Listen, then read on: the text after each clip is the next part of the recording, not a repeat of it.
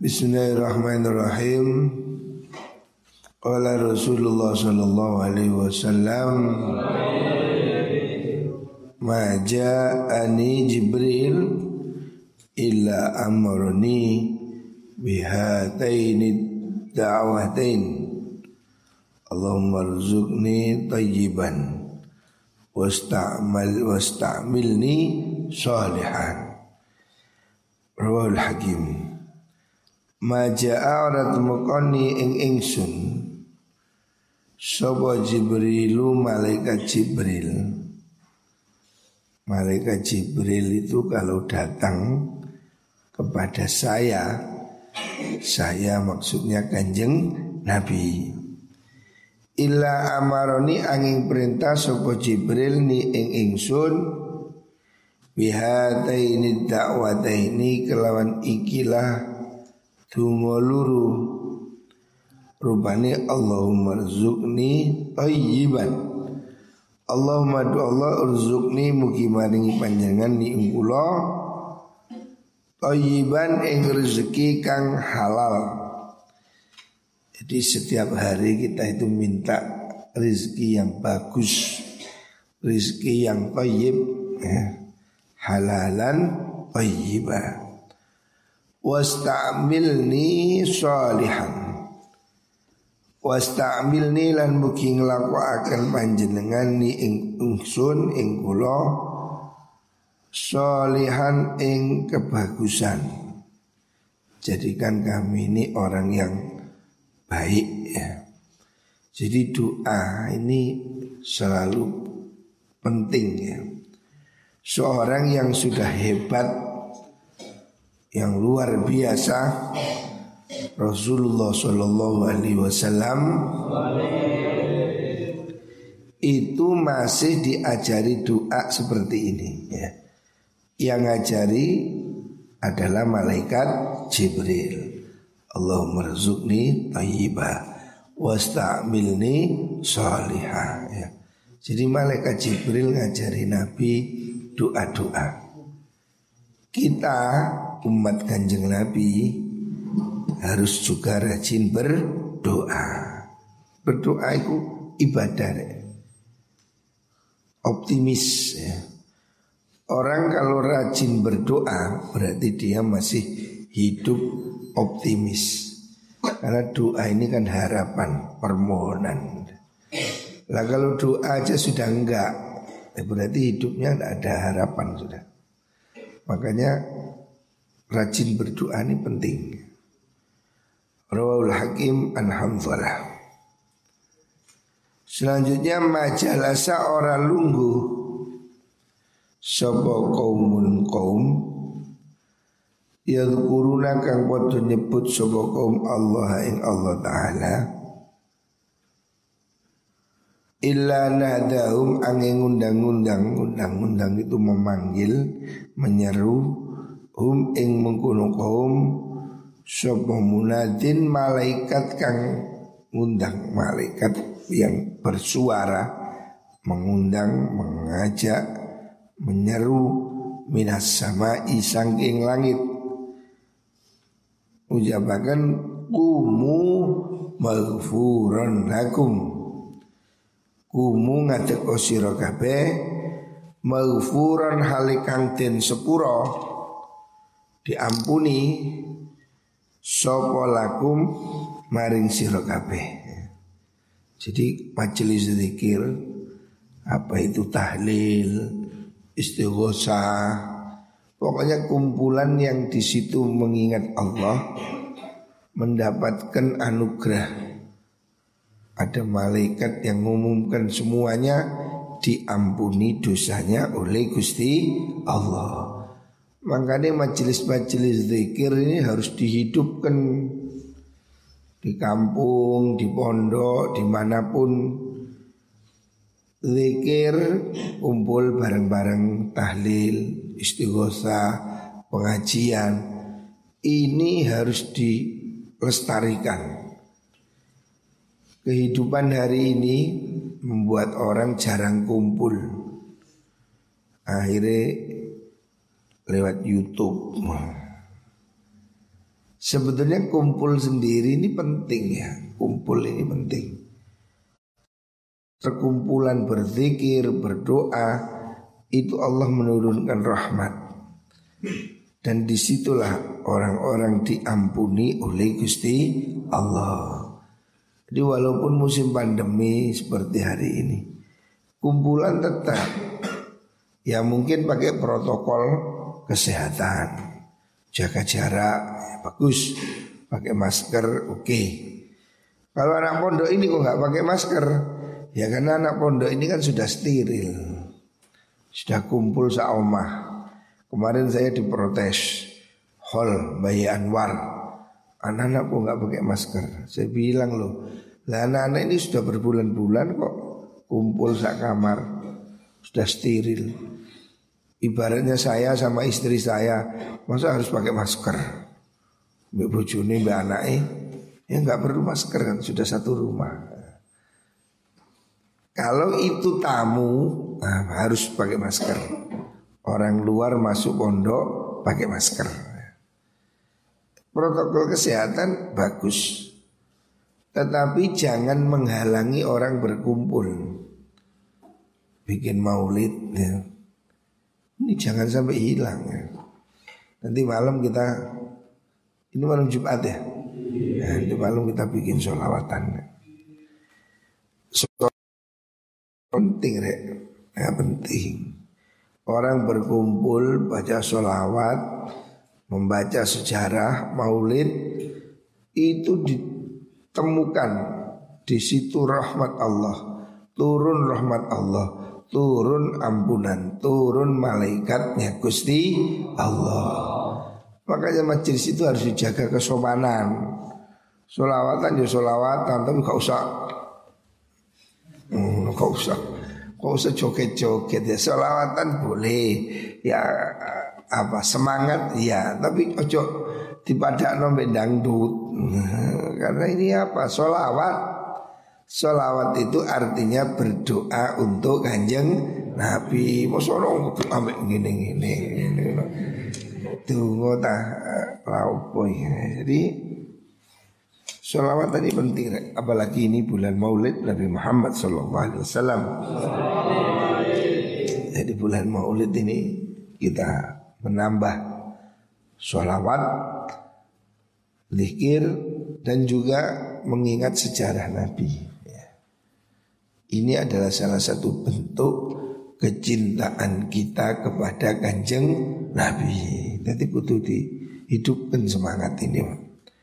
Kumpulan, baca tiba, baca sholawat. Itu semua bagus ya. Bagus dan insya Allah itu mendapat pahala dari Allah Subhanahu wa taala. Rawahu an Anas bersabda ma diberi ma jumi'a ora den kumpulaken. Apa syai'un suwiji-wiji ila syai'in maring suwiji kang liya afdhala kang luwih utama min ilmin saking ilmu dan kumpulaken ila hilmin maring kebijaksanaan. Hilmun itu kesabaran. Sabar tingkat tinggi namanya hilmun, ya. bijak. Hadis rawahu Tabrani. Artinya Rasulullah Shallallahu Alaihi Wasallam mengajarkan dua hal yang penting. Dua hal ini kalau dikumpulkan sangat bagus. Pertama ilmu. Orang hidup ini harus ada ilmu. Ilmu ini mata. Kalau tidak ada mata berarti dia buta. Mata keindahan hidup ini harus ada mata Ilmu ini mata Mata hati kita Mata nurani kita Harus ada ilmu Setelah itu tambahkan bijak Hilmun itu sabar tingkat tinggi Namanya bijak sana. Ini sifat yang bagus. Sifatnya Nabi, sifatnya wali. Saya ini masih menangi al-maghfurlah bagi Anwar. Nah, anak-anak harus tahu sejarahnya Bagi Anwar. Pendiri pesantren An-Nur yang hari ini sudah jadi An-Nur 1, 2, 3, 4, 5 dan cabang-cabangnya. Mbak Anwar itu orang yang bijak, sabar. Saya tidak pernah lihat beliau marah. Diem, tidak pernah pidato aja nggak pernah. Jadi Mbak Yanwar tidak pernah naik podium pidato tidak pernah. Khutbah di masjid juga nggak pernah. Jadi orang yang sangat pendiam Mbak Yanwar itu diem. Ya kalau ngajar kitab, ngajar baca kitab. Bila itu dulu ngajar Sulam Taufik, Bidaya, Ihya itu. Ya ngaji, ngaji kitab ini. Tapi kalau pidato di, di podium, di khutbah, enggak, beliau enggak suka. Jadi beliau itu orang yang menghabiskan waktunya dengan zikir, baca Quran. Baca Quran setiap hari. Qurannya kecil, saya masih ingat. Jadi Mbak Yanwar punya Quran kecil, dipegang terus. Baca Quran terus setiap hari. Pagi, siang, malam, beliau itu ahli Al-Quran. Sehari-hari pegangannya Al-Quran. Kalau daus sedikit-sedikit saya datang ya, tekan di apa anu ya istilah tidak pernah ngobrol. Jadi beliau itu kalau ada tamu ditemui. Tapi ya sebentar, apa minta doa didoakan. Minta apa, minta apa. Jadi beliau itu orang yang ramah, pendiam ya. Dan bijak. Jarang ya kita melihat orang yang punya apa tawadu sangat tawadu Mbak Yanwar itu biasa di depan rumah recik-recik apa halaman ada terwelu tahu terwelu eh, bukan terwelu sing kan sing gak duwe kuping apa sini marmut nah Mbak Yanwar itu ngingu marmut di depan rumah kalau anak-anak santri nggak ngarit ya Mbak Yanwar ngarit sendiri carikan suket sendiri Sederhana sekali. Tidak ada bicaranya. Diem baca Quran gitu. Lah itu loh hebatnya orang alim yang bijaksana. Sehingga hidupnya tidak ada problem dengan siapa pun. Dia itu tidak ikut partai politik, tidak ikut ormas. Nah, ya NO dia penasehat ustasyar gitu. Tapi hidupnya ini habis untuk ngaji, ngaji, ngaji terus. Jadi hidupnya ini umurnya panjang. Usianya Mbak Yanwar itu 93 tahun. Sepuh dan sehat. Sakit terus wafat. Semasa hidupnya sehat sekali. Nah salah satu resepnya itu Mbak Yanwar itu kalau malam mandi. Mandinya kum-kum. Jadi bukan di ceding, kamu tahu bedanya. Mbak Yanwar itu punya belumbang. Belumbang itu yang di, di tanah itu belumbang kolam kolam ya kolam besar itu kolam jadi Mbak Anwar itu kalau mandi kum-kum berendam setiap malam gitu saya belum bisa niru ini. Ingin sebenarnya saya niru beliau ini. Mbak Anwar itu kalau mandi berendam. Jadi berendam kemudian ya orang kalau berendam kan nggak ngantuk ya berendam. Kum-kum setelah itu tahajud. Setiap malam seperti itu. Makanya beliau itu sehat. Saya hari ini merasa padahal saya ini umur berapa sih? Awak itu loro-loro nih. Iki kok tangi turu rasane ngeluh sing anu. Tak iling-iling ya Allah, mungkin saya harus niru Mbak Anwar. Tapi kolamnya kayak endi ganti kolam. Tinggal belumbang kayak endi belumbang. Jadi Mbak Anwar itu pakai belumbang. Bukan jeding lah jeding kok dijemplungi lah ya apa. Pak Barokai yang jeding. Kon melembung jeding kok seakan kancamu. Barokai kancane. Kalau bayan wardu itu belumbang, jadi belumbang itu di tanah itu, di, di, jadi kolam kolam besar gitu, di tanah. Jadi bila itu kum-kum di situ berendam. Ya ibad ya Badruddin bikin sebelum meninggal bikin di rumahnya. Jadi belum banget gitu. Saya sudah kepingin bikin tapi kayak endi ini tak was-was itu. Jadi kayak kolam renang itu. Sebenarnya ke kolam renang iso ya ngono ya izin. Pengin belum-belum. Saya itu kepingin sebetulnya itu.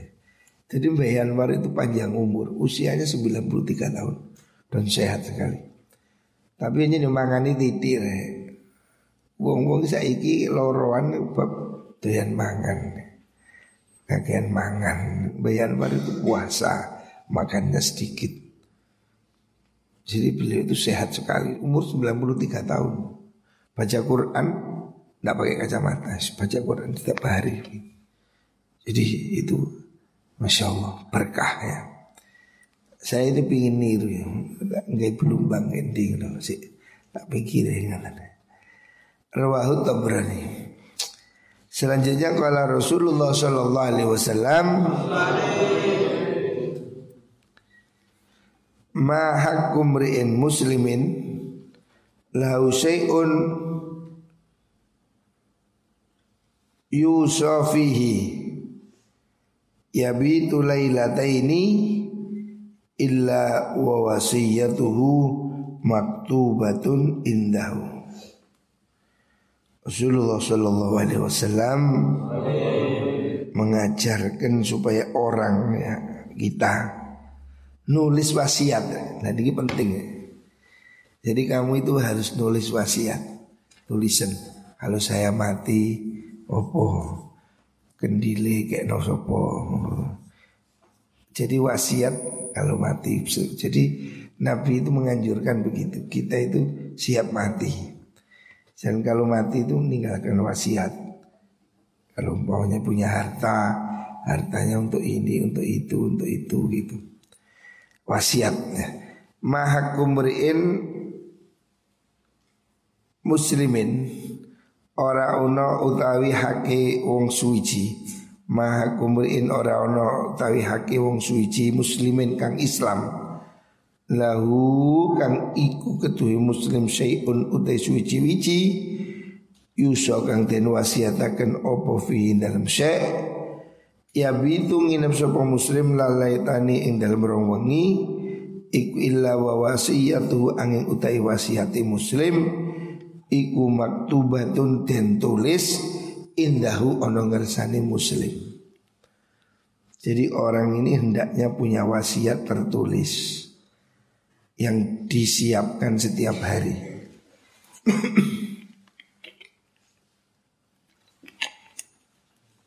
Alhamdulillah.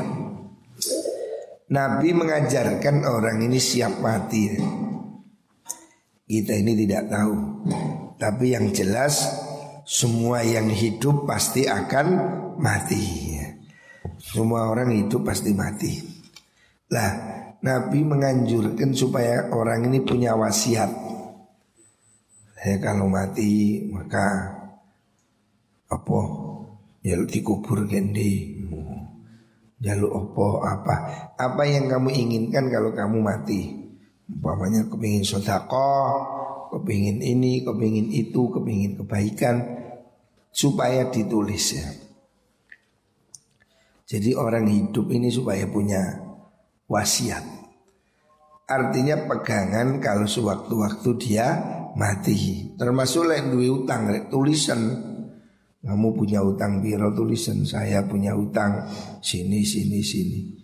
Barangkali kamu mati supaya ada orang yang bayarkan hutang. Jangan sampai kamu mati tidak ada yang bayar. Nah ini kalau kamu punya hal penting tulisan. Saya punya hutang, saya punya pinjaman, saya kepingin apa dan tuliskannya.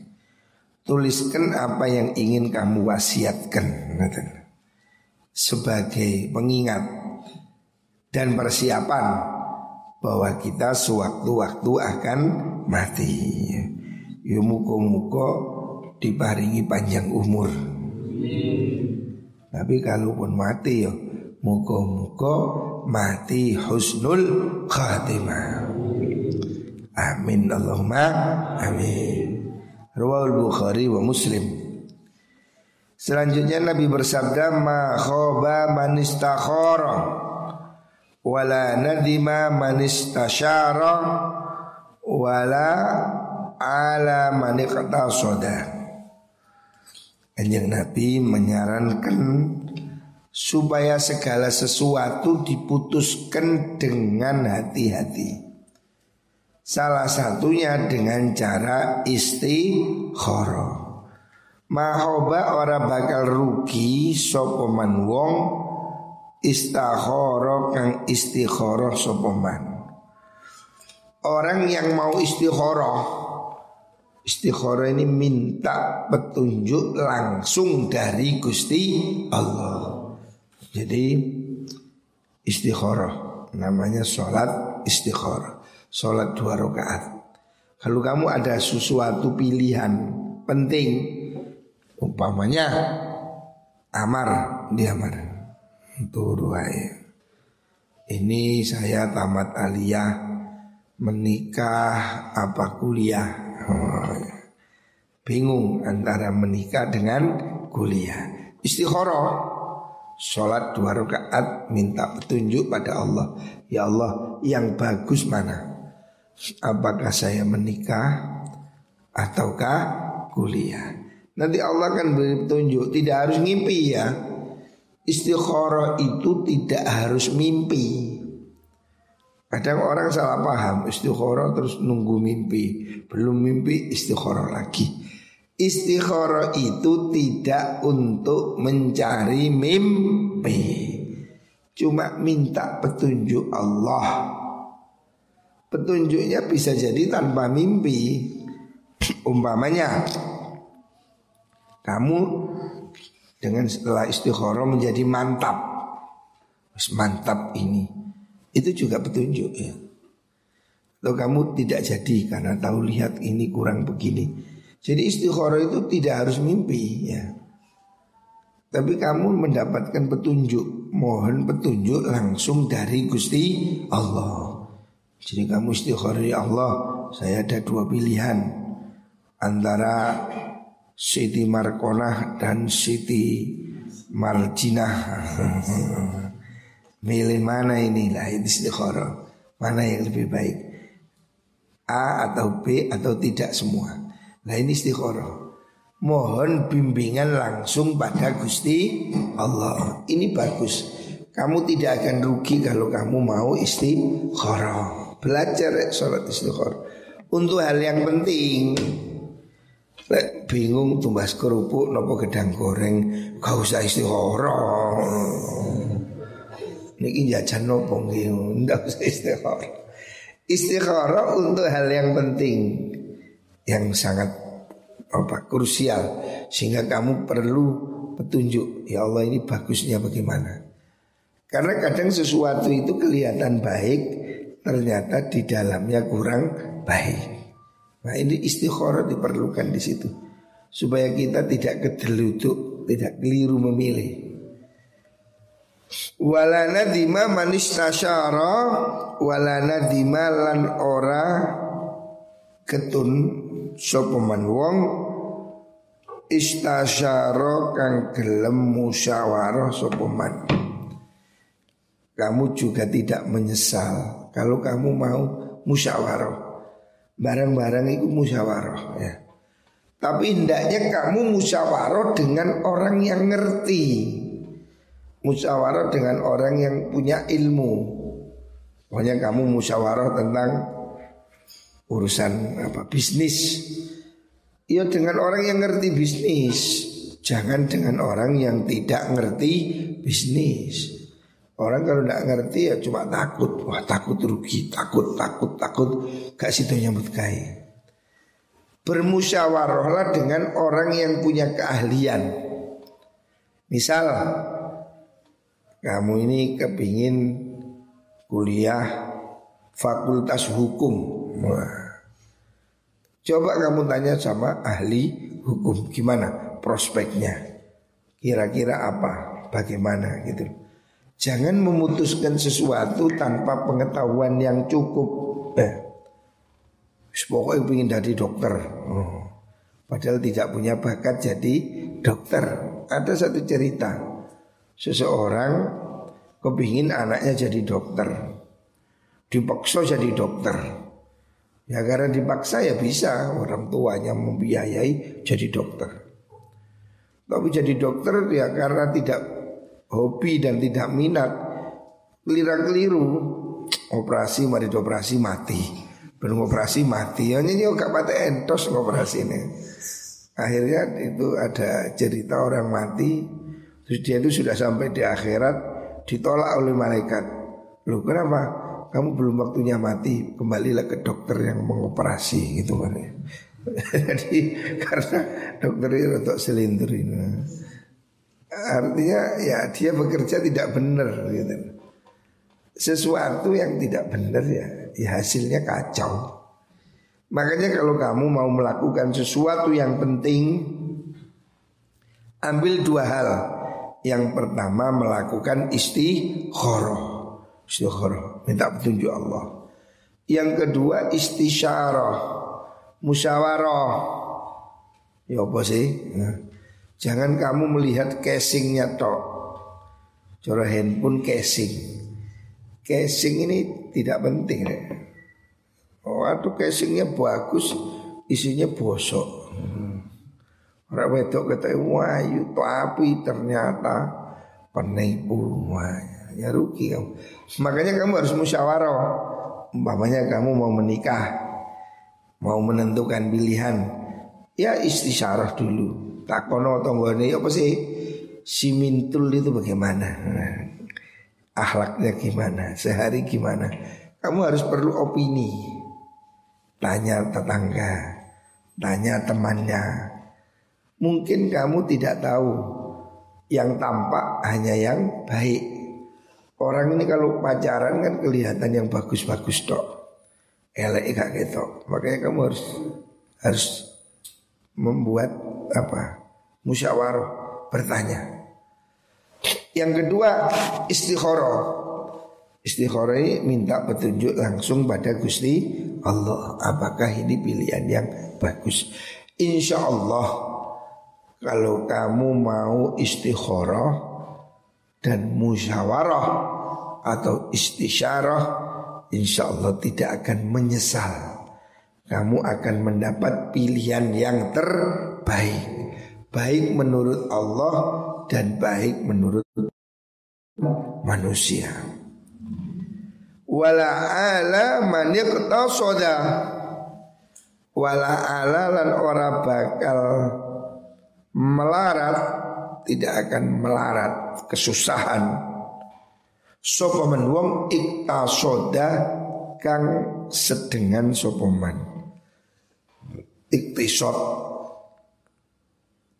kalau bahasa sekarang ekonomis. Orang yang sederhana iktisod Tidak berlebihan Dia tidak akan jadi miskin. Banyak orang ya hidup miskin karena dia boros. Mangane boros, jajane boros, suka ke warung, suka ke kafe. Nah, itu yang membuat kamu boros. Kalau kamu boros, kamu akan jatuh miskin. Berapapun. Kalau kamu boros, ada orang dapat lotre di Amerika. Lutre itu apa? Ngerti lutre? Cara gini apa? Togel Mendapat togel Mendapat undian judi. Sekian juta dolar. Mendadak kaya. Bah, Karena mentalnya mental miskin Begitu dapat uang Foya-foya Beli rumah Beli mobil Waduh melihara cewek-cewek dan seterusnya. Dihabiskan duitnya untuk liburan.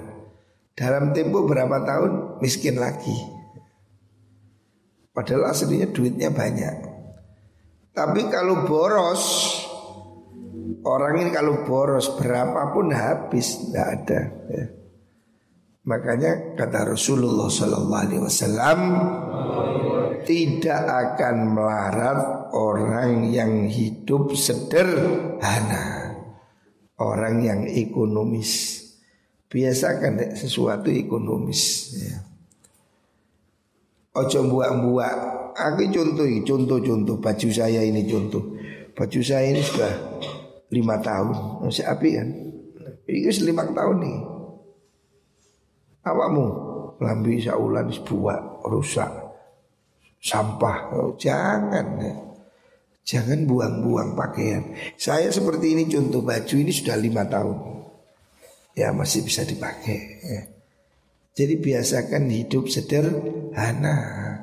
Kalau kamu bisa hidup sederhana, kalau kamu menguasai keuanganmu, maka kamu menguasai kendali kehidupanmu. Sebaliknya kalau kamu tidak bisa menguasai keuanganmu, kalau kamu boros, biasa hidup mewah, maka kamu akan susah hidupmu akan berat. Sesuai dengan teori, berat itu sebanding dengan gaya. Kalau hidupmu berat, berarti kamu kakean gaya. Jadi gaya seimbang dengan berat, berat seimbang dengan gaya. Rumusnya Jadi kalau kamu hidupmu berat, berarti kamu kakean gaya. Cuk kakean gaya, merokok itu termasuk kakean gaya. Lau pusing rokok, ndak usah. Orang merokok itu tidak kelihatan ganteng orang. Perasaanmu dewi, rokokan keren. Perasaanmu dewi. Orang lain itu melihat nggak seneng. Kamu merokok, apalagi anak kecil merokok, pasti, pasti orang nggak senang. Orang cilik merokok. Ya. Jadi jangan merokok. Saya minta santri-santri ini jangan boros. Salah satu pemborosan itu adalah membeli rokok. Hmm, rokok. Hmm. Sudah hentikan. Itu boros. Termasuk arek kamar timur itu. Sul, ini jam suli. Rehan, ini Rehan. Ono, ada boros-boros sih. Hentikan ya. Belajarlah hidup sederhana. Muka-muka diberkahi Allah Subhanahu wa taala.